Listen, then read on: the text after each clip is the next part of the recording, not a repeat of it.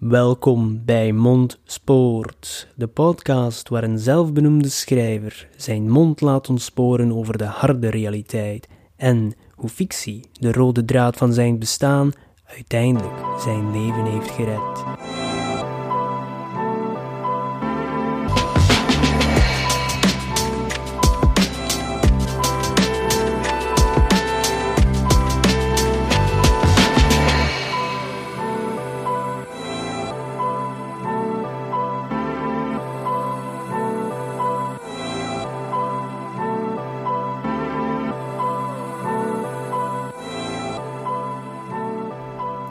Oké, hier zijn we weer. Mondspoort. Ik denk aflevering 22. Wat eigenlijk ook een mijlpaal is. Waarom? Eventjes een korte mondsporing. Een mondsporingsbericht. This just in. Oh my god, begin nog maar en ik ben al vertrokken. Ik had een tijd terug een statistiek gezien over podcasts. De meeste mensen die in beginnen, 90% 90 van alle podcasts raken niet verder dan drie afleveringen. Dus eigenlijk geven de meeste mensen heel snel op. En die andere 10% die overblijft, 90% van die raakt niet verder dan de 20ste aflevering. Dus eigenlijk als je er 21 hebt opgenomen, dan zit je eigenlijk al in de top percenters van podcasters. Dus het is een 22 zo, yay me. Ik doe dit vooral gewoon omdat het leuk is. Ik vind het tof om eigenlijk een soort directe lijn naar jullie oor te hebben. Dat is nu nog geen gigantisch publiek, maar dat is een exclusieve groep waar jullie nu deel van uitmaken. Jullie zien de groei, of misschien ja, de, de, de neerwaartse spiraal van een man die op zijn zolder zit en misschien helemaal gek wordt op het einde van deze mondspoorde rit. Oké, maar nu terug naar het topic. Voor de mensen die mijn boeken nog niet gelezen hebben of Ontwaak nog niet gelezen hebben. Opgelet, want dit zal vol met spoilers zitten over de hele reeks. Boek 1 ontspoord, boek 2 ontketende, boek 3 ontkwa ontkwaakt. ik laat dat erin, ik zal dat niet uitknippen. Ontkwaakt is de nieuwe titel. Kwak, kwak. Ook opgelet voor de mensen die het wel gelezen hebben.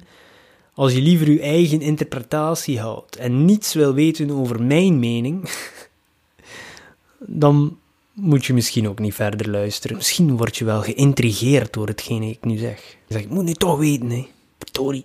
Want eigenlijk heb je zoiets als uh, death of the author, dood van de auteur. Nee, niet, niet de letterlijke dood, maar zodra een verhaal of een boek of een artikel, gelijk wat, die geschreven is, de wijde wereld ingaat, heeft de auteur eigenlijk geen zeggenschap meer erover. Dan zijn het de lezers, de mensen die hun eigen interpretatie hier kunnen aangeven. En soms vinden ze zelfs dingen die niet in de tekst staan, maar iedereen haalt iets anders uit een verhaal. Zoals ik het zie, is dat eigenlijk een, een samenwerking, een partnership. 50% komt van mij, van de auteur, en 50% wordt ingevuld door de lezer en hun fantasie.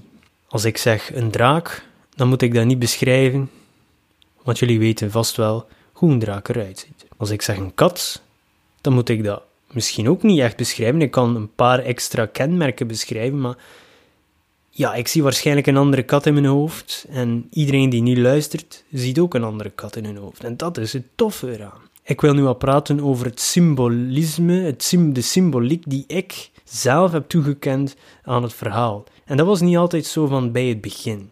Dus als je zegt van, mm, you know, ik wil mijn interpretatie houden en ik wil niet dat het overschreven wordt door die charlatan die het verhaal heeft geschreven. Tot volgende week. Wees niet te streng voor jezelf. Maar misschien voor de mensen die wel verder luisteren, misschien is het ook wel leuk om de boeken eens te herlezen, nu dat je dit zal weten. Tijdens ons spoort, het schrijven van ons spoort, heb ik alles vermeld. Waarschijnlijk eh, zat ik eigenlijk tussen twee hervallen. Ik heb al een aantal pogingen gedaan om te stoppen met drinken. Dat is deel van het proces. Maar als je erin zit, dan voelt dat niet zo aan. Ja, het is deel van het proces en nu zal je falen deze keer. ga je stoppen en jezelf falen, dat is niet met die gedachtegang dat je erin gaat. Je gaat erin om het te doen slagen. Misschien onbewust saboteren jezelf af en toe, dat, dat kan je achteraf soms wel zien, dat je misschien niet volledig toegewijd was eraan, maar wat dat wel wil zeggen dat ik heel diep bij die emotie zat die ik in het verhaal wilde stoppen. Ik had al de eerste versie geschreven nadat ik een keer gestopt was. En dan tussen een herval. Dus soms schreef ik zelfs dingen terwijl, niet terwijl ik dronken was, maar bijvoorbeeld na een weekend wel drinken. En dan zit je echt wel in die emoties omdat je nog niet helemaal erdoor bent. Je bent nog moe en je, ja, op een of andere manier zit je dichter bij de bron van emotie. Als er een bron van emotie in je lichaam zit, op die momenten zit je er heel dichtbij en moet je je emmer niet zo diep laten zakken om het naar boven te halen. Nu is dat al wat moeilijker. Ik moet die emmer heel diep laten zakken. Ik sta verder van die emotie, wat een goed teken is natuurlijk. En tijdens Ontketend was ik tijdens de tweede versie een aantal maanden nuchter. En werd ik meer geïrriteerd en boos soms zelf. Zo net onder het oppervlakte borrelde woede.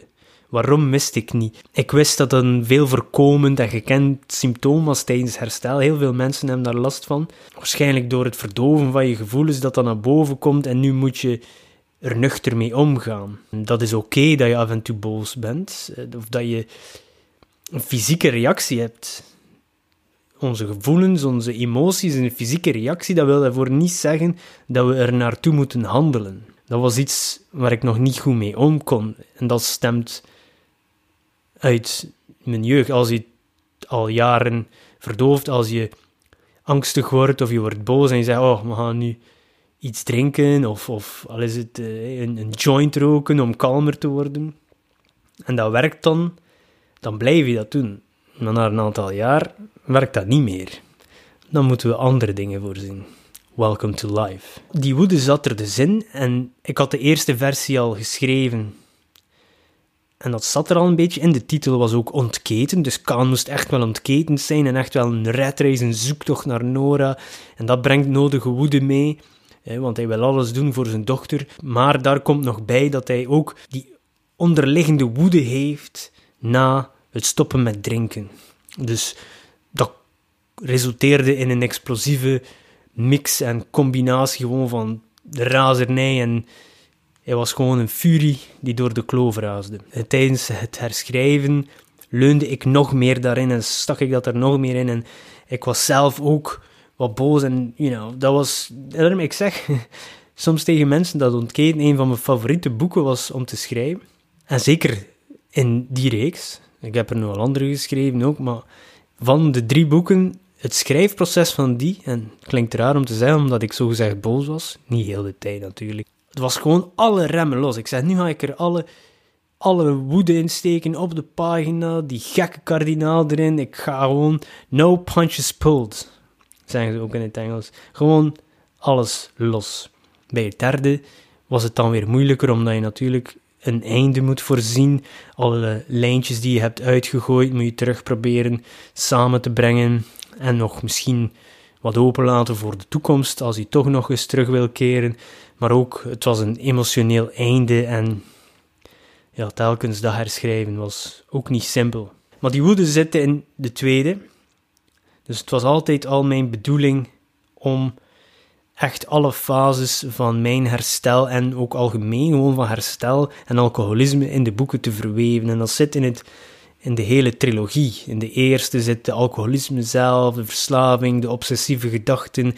In de tweede het omgaan met die woede, met gevoelens die je altijd verdoofd hebt, met de dromen over hervallen die terugkomen, die ik zelf ook nog heb, minder frequent. Maar dat is gewoon zo. Je wordt plots wakker. Wow, je denkt dat je hervallen bent, maar het was gewoon in een droom dat je naar de winkel gegaan bent en uh, drank gekocht hebt. Heel raar, maar dat is een heel veel voorkomend symptoom van mensen die verslaafd waren. En dus die mood swings, die zit er allemaal in. Maar tijdens het herschrijven van Ontketend begon ik ook in andere personages symbolisering te zien. Vooral de protagonist, Kaan, en de antagonist, Alberta Vermeers. En 100% zal dat nooit kloppen. Je kan altijd dingen vinden, ja, maar wat hetgeen dat je daar gezegd hebt, dat klopt niet. Het is hoe ik het ervaren heb. En zeker van die tweede versie van Ontketen begon ik meer en meer die richting uit te gaan. Dat zat altijd in mijn achterhoofd tijdens het schrijven. De kloof werd synoniem met mijn hoofd, met mijn gedachten. De donkere, nauwe, kronkelende straten van de kloof en alle gevaar die daarin schuilt om iedere hoek. Het werd eigenlijk het speelterrein van duistere zaken. En Alberta Vermeers representeert alcohol, die te pas en te onpas verschijnt. Elke keer als je denkt dat je er vanaf bent, staat ze daar terug. En soms verdwijnt ze voor periodes, maar nooit helemaal. En dat zal je in de boeken ook zien. Soms zeg je van, waar is de, waar is de slechterik? Nu is even weg. Wel, in mijn hoofd was het alcohol die even weg was, maar dan terug daar staat. En ze zal er blijven terugkomen tot je ermee hebt omgegaan. Until you deal with it.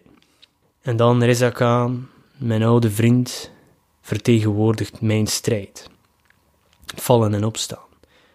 Mijn donkere passagier, woonachtig in de kloof. En als je dat weet, dan zal je misschien ook begrijpen waarom hij aan zijn einde moest komen. Volgens mij was er geen andere manier. En dan nog eens in dezelfde ruimte met Vermeers symbool voor alcohol. En hij is ook letterlijk verdronken.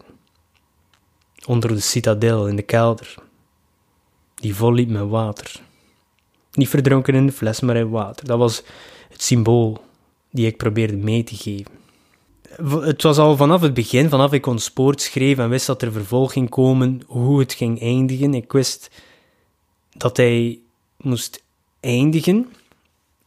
Ik had wel altijd het idee dat het verhaal moest eindigen met een brief van Kaan aan zijn dochter. Dat was een beetje ik die mezelf probeerde voor te stellen. Moest ik ooit een brief schrijven aan mijn eigen dochter, aan wat ik zou missen? Moest mijn verslaving gewonnen hebben en moest ik er misschien niet meer zijn? De uitreiking van haar diploma, haar eerste vriendje, haar eerste heartbreak.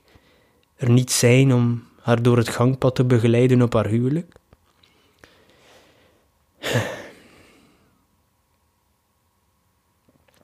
Maar dan, ja, tijdens dat herschrijven, denk je eh, dan toch, ja, misschien moet hij toch overleven, hè, of misschien uh, moet de mensen denken dat hij daar gestorven is, en dan wanneer Nora en Liv wegrijden, dat hij dan toch van ergens kijkt, of dat ze hem toch ergens ophalen, als dan samen de horizon wegrijden, de zon hey, achter, achter hun en bye. Het ging mooi geweest zijn, maar als ik je nu net al die symbolen vertel, wat het voor mij betekent, dan, ja, dan is er geen andere manier dan hem daar te laten sterven. De strijd zit erop, alcohol is weg. En dat moet natuurlijk, in het echte leven moet je natuurlijk niet zeggen van ja, ik heb gewonnen. Je moet altijd uh, alert zijn, want herval is het kan altijd gebeuren. Je hebt mensen die na een jaar ervan, twee jaar, drie jaar, tien jaar, twintig jaar, dus je mag zeker niet arrogant worden. Uh, maar er zou al veel moeten gebeuren nu, denk ik. Ik denk dat ik goed bewapend ben en ik weet ook um, dat nooit, er is geen enkele situatie die er beter zal door worden. Ik heb ook een zinnetje in een app waarbij ik mijn uh, dagen bijhoud, hoe lang ik al nuchter word. Ik doe dat nu heel weinig nog open. Maar in het begin had ik daar één zin in geschreven. Ik zal even mijn telefoon erbij nemen, om letterlijk te lezen wat ik getikt had. Dit is echt wel een kijk in mijn uh, leven. Uh, moment van opname, ik ben vrij van alcohol sinds 1 jaar, 9 maanden, 6 dagen, 6 uur, 49 minuten en 50 seconden. Maar wat staat erin? Waarom ik dit doe? Um, en dat is de zin die ik dan bekeek als ik bijvoorbeeld de drang voelde om te drinken, dan staat erop: er is geen enkele situatie die zal beter worden door alcohol te drinken. En dat klopt ook, hè? Er is geen feestje die beter wordt opeens omdat je alcohol drinkt. Er is geen slecht ongeluk die zal beter worden door alcohol te drinken.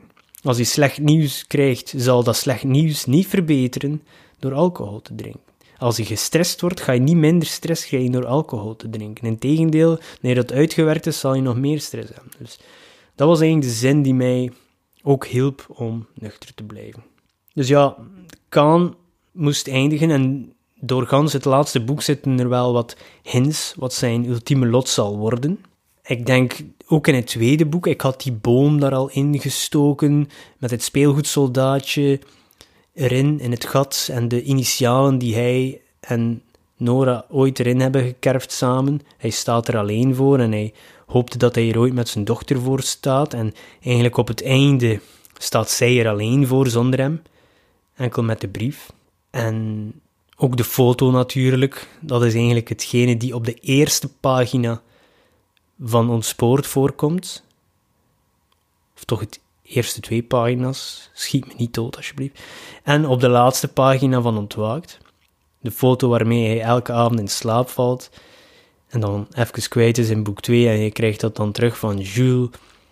En dan geeft hij het eigenlijk door aan zijn dochter. Dus dat vond ik wel mooi dat dat terugkwam. En natuurlijk iets ook uit het persoonlijk leven van mijn echtgenoot en ik, dat we altijd elkaar in de handen knijpen tweemaal om te zeggen I love you, of love you eigenlijk, de twee lettergrepen. En dat, doen, dat zit ook in het verhaal en dat is dan ook hoe het eindigt. Vind ik wel mooi. Mooi inzicht ook weer. En uh, voor ons persoonlijk. Ik weet niet of dat ik delen. Oeps. Sorry, baby. Dus ja, ik denk wel dat je de groei kan zien of ik wilde toch de groei aantonen in Kaan van boek 1 naar boek 2 naar boek 3, die een beetje parallel loopt met de groei in mezelf. De drang naar alcohol is niet meer obsessief aanwezig. Veel negatieve commentaar heb ik eigenlijk op ons spoor niet gekregen, maar mensen die soms vonden dat de alcohol te prominent aanwezig was. En dan weet ik dat ik in mijn opzet geslagen ben. Dat is niet mooi of leuk om te lezen, maar dat is nu eenmaal hoe verslaving in elkaar zit. En dat is ook de character arc, de boog van het personage die groeit. Van verslaving naar worstelen met de eerste nuchtere maanden naar acceptatie. En zoals Steven van Looney Blog, Looney Books, in zijn recensie van Ontwaakt schreef, dat hij de verschillende fases van rouwen herkende in het boek. Stoppen met drinken kan je ook vergelijken met een rouwproces of het verlaten van een partner. Je hebt goede tijden gehad, slechte tijden, en vaak denk je veel aan de goede tijden en vergeet je die slechte en probeer je het nog eens en dan loopt het weer slecht af. Die soorten quotes zitten verwerkt in de hele trilogie. Ik heb er eentje die mezelf raakt, al heb ik hem zelf geschreven, gewoon omdat het zo past. En dan voel ik terug die emotie van toen ik eerst nuchter werd. Ik zal hem eens even voorlezen. Herval was nooit ver weg. De mogelijkheid om te zwichten altijd aanwezig bijna alsof de mogelijkheid bestond om een overleden geliefde uit het hiernamaals terug te brengen, wetende dat het nooit zou zijn als voorheen. Nog één keer. En ik weet niet of elke persoon stilstaat bij deze quote, maar ik bedoel daarmee, stel je eens voor dat je de kracht hebt om een overleden geliefde terug te brengen. Zou je het dan doen? Dat vergelijk ik met alcohol en herval. Elke keer denken we dat het terug kan zijn zoals vroeger, dat je kon sociaal drinken en gezellig een terrasje doen. Je wil niet toegeven aan jezelf dat je niet zal kunnen stoppen na één drankje. Je wil niet toegeven aan de bewezen wetenschap dat mensen die lijden aan alcoholisme geen rem hebben, zodra ze die eerste alcohol innemen. Je denkt dat die obsessieve gedachten waar je geen controle over hebt, niet zullen terugkomen. En dan het laatste deel van deze zin, die ik net gelezen heb, wetende dat het nooit zou zijn als voorheen. De laatste hervallen die je doet, dan heb je die wetenschap, maar toch doe je het. Toch ga je weer drinken. Je weet dat het slecht zal aflopen en toch doe je het. Bij een verslaafde krijgt de substantie prioriteit over de wil om te overleven, wat eigenlijk bij ieder levend wezen de hoogste prioriteit is. En als je geliefde terugbrengt uit de dood, zal het ook nooit hetzelfde zijn. Is het wel dezelfde persoon? In films of, of in verhalen waar dit gebeurt, is er ook altijd een kost als hij dit doet. De personen zijn altijd aangetast door naar de andere kant te reizen. En meestal hebben de mensen dan ook spijt dat ze hun geliefde terug hebben gebracht. en die laten rusten hebben en gewoon de herinneringen koesteren die ze samen hebben gehad. Ja, alcohol heeft me leuke tijden opgebracht. De link met de vriendengroep, feestjes, terrasjes, nachtelijke praatsessies tot in de vroege uurtjes en ik wilde dit telkens recreëren en blijven doen, maar dat lukte gewoon niet meer. Waar de meeste mensen naar huis gingen en stopten, moest ik verder blijven doen en thuis ook. Ofwel begon mijn lichaam helemaal te trillen en paniek overviel me, hartkloppingen en zodra je weer drinkt, kalmeert alles terug. Het lijkt wel een medicijn en vergif tegelijkertijd. En dat is de vicieuze cirkel van alcoholisme en verslaving. Dat wilde ik in de boeken stoppen. Ik hoop dat mensen die geleidelijke groei zien van Kaan en ook wat van de andere personages. Bij Nora is het niet altijd groei in de positieve richting. In Ontwaakt zien we dat ze ook last begint te krijgen van paniekaanvallen. Begrijpelijk, na wat ze allemaal heeft meegemaakt. Maar Kaan herkent dat meteen in zijn dochter en waarschuwt haar dat ze daarmee moet opletten. Dat ze niet grijpt naar verdovende middelen, want dat is deels hoe hij er zelf is in geraakt. Hij sukkelde ook al van zijn jeugd met paniekaanvallen, net zoals mezelf. Veel van die kenmerken van mezelf heb ik aan Kaan gegeven. Write what you know, en het is ook een soort therapie. En ik hoop eigenlijk ook dat mijn dochter ooit het verhaal zal lezen. Het is een soort vermomde boodschap aan haar, dat papa niet perfect is, maar wel zijn uiterste best doet om er te zijn voor haar. Die podcast is eigenlijk meer een directe lijn. Hey, we know. Niemand is perfect, maar als je daar bewust van bent dat dat zo is, dan is dat al de eerste stap van persoonlijke groei. Leren van onze fouten en ik deel ze in de hoop dat iemand anders ze niet maakt of zichzelf herkent en stappen zet om niet zo ver te raken zoals ik. Dus dat was eigenlijk een beetje de opzet van die ganse trilogie. En ik heb daar hopelijk een entertainend verhaal rondgeweven, dat mensen die mijn verhaal niet kennen toch nog kunnen genieten van het verhaal op zich. Maar mensen die dit weten, halen er misschien hopelijk meer uit. Misschien is dat een delusie van mij, maar ik hoop dat. Eh, en ik hoop ook dat sommige mensen daar iets aan hebben om dat op die manier te lezen. Hopelijk zullen nog meer mensen het ontdekken, nu dat de trilogie volledig is. Eh, en, die, ja, en al die symbolen erin, dat was voor mezelf en voor de mensen die luisteren. Misschien klikken er nog wat puzzelstukjes in elkaar. Dus in verhalen vind ik dat leuk, maar echte puzzels, oh, don't get me started. Uh, en al helemaal niet over IKEA-kasten in elkaar steken. Oké, maar nu zijn we weer aan mijn sporen. Uh, wat was die titel toch perfect gekozen? Man, elke keer als ik een podcastaflevering opneem dan, dan, en als ik bijna klaar ben, dan voel ik me alsof ik net bij de psycholoog ben buitengewandeld. Ik vind dat iedereen een podcast moet starten en gewoon dingen moet delen. Waarschijnlijk zal ik meteen weer aan andere dingen denken die ik nog wilde vertellen over het verhaal. Ik denk dat ik nog lang niet ben uitverteld over deze trilogie. Hij staat me echt uh, nauw bij het hart. Dat is ook een beetje een probleem nu met wat ik nu aan het schrijven ben. Ik zit er nog niet volledig in, laat me het zo vertellen. Uh, ik heb wel een ander idee voor een personage waar ik goede ideeën voor heb. Laat, ik ga er nog niet meer over zeggen. Maar ik ben nu wel bezig met Ontspoor te vertalen naar het Engels. En het helpt wel weer wat om naar die emotie te grijpen. Want ik heb al een aantal maanden een leuk idee voor een kort verhaal. In de kloof. En uh, ik wil die graag schrijven dit jaar. En dan ook ergens gratis op mijn website zetten. Uh, als mensen daar geïnteresseerd zijn, kunnen ze dat gewoon gratis lezen dan. Kort verhaaltje, maar ik vind het een leuk idee, maar daarvoor moet ik echt wel weer naar die emoties van het eerste boek kunnen grijpen. En uh, die vertaling waar ik nu mee bezig ben, is daar perfect voor. Dus ik denk dat ik die eerste versie zal vertalen en dan meteen dat kort verhaal schrijven die ik al eventjes in mijn hoofd heb. En ik zal ook blij zijn dat dat dan op papier kan staan, dat het dan gewoon uit mijn hoofd is, want het blijft knagen. En dat is eigenlijk, voor de mensen die willen creëren of schrijven, dat is het teken dat het verhaal, het schrijven waard is. Meestal schrijf ik, ik schrijf per week zeker vier, vijf ideeën op en ik denk er nooit meer aan. Diegenen die blijven aan uw achterhoofd knagen, die moeten geschreven worden. bij deze een laatste tip. It's been a ride. Wat een rit. Nooit gedacht dat de trilogie me ging brengen tot de podcast, tot de YouTube-kanaal die focust op zelfontwikkeling. Al dit wat ik nu doe, stemt uit mijn strijd. Dus ik ben er dankbaar voor. En het eerste boek ontspoort. Het heeft mijn leven. Het was ontspoord voor een bepaald deel. De meeste dingen zaten goed. Gewoon dat ene moest nog verbeteren. Maar nu lijkt het eigenlijk ontspoord, maar in de goede manier. Als dat bestaat. Anyway. Dankjewel om te luisteren. Ik spreek jullie volgende week. Wees niet te streng voor jezelf. Ciao.